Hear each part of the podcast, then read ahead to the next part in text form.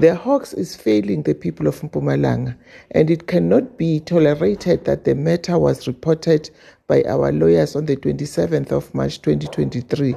To date, the Hawks has not interviewed or even subpoenaed any documentation related to the beauty contest contract after we demanded progress report on the matter.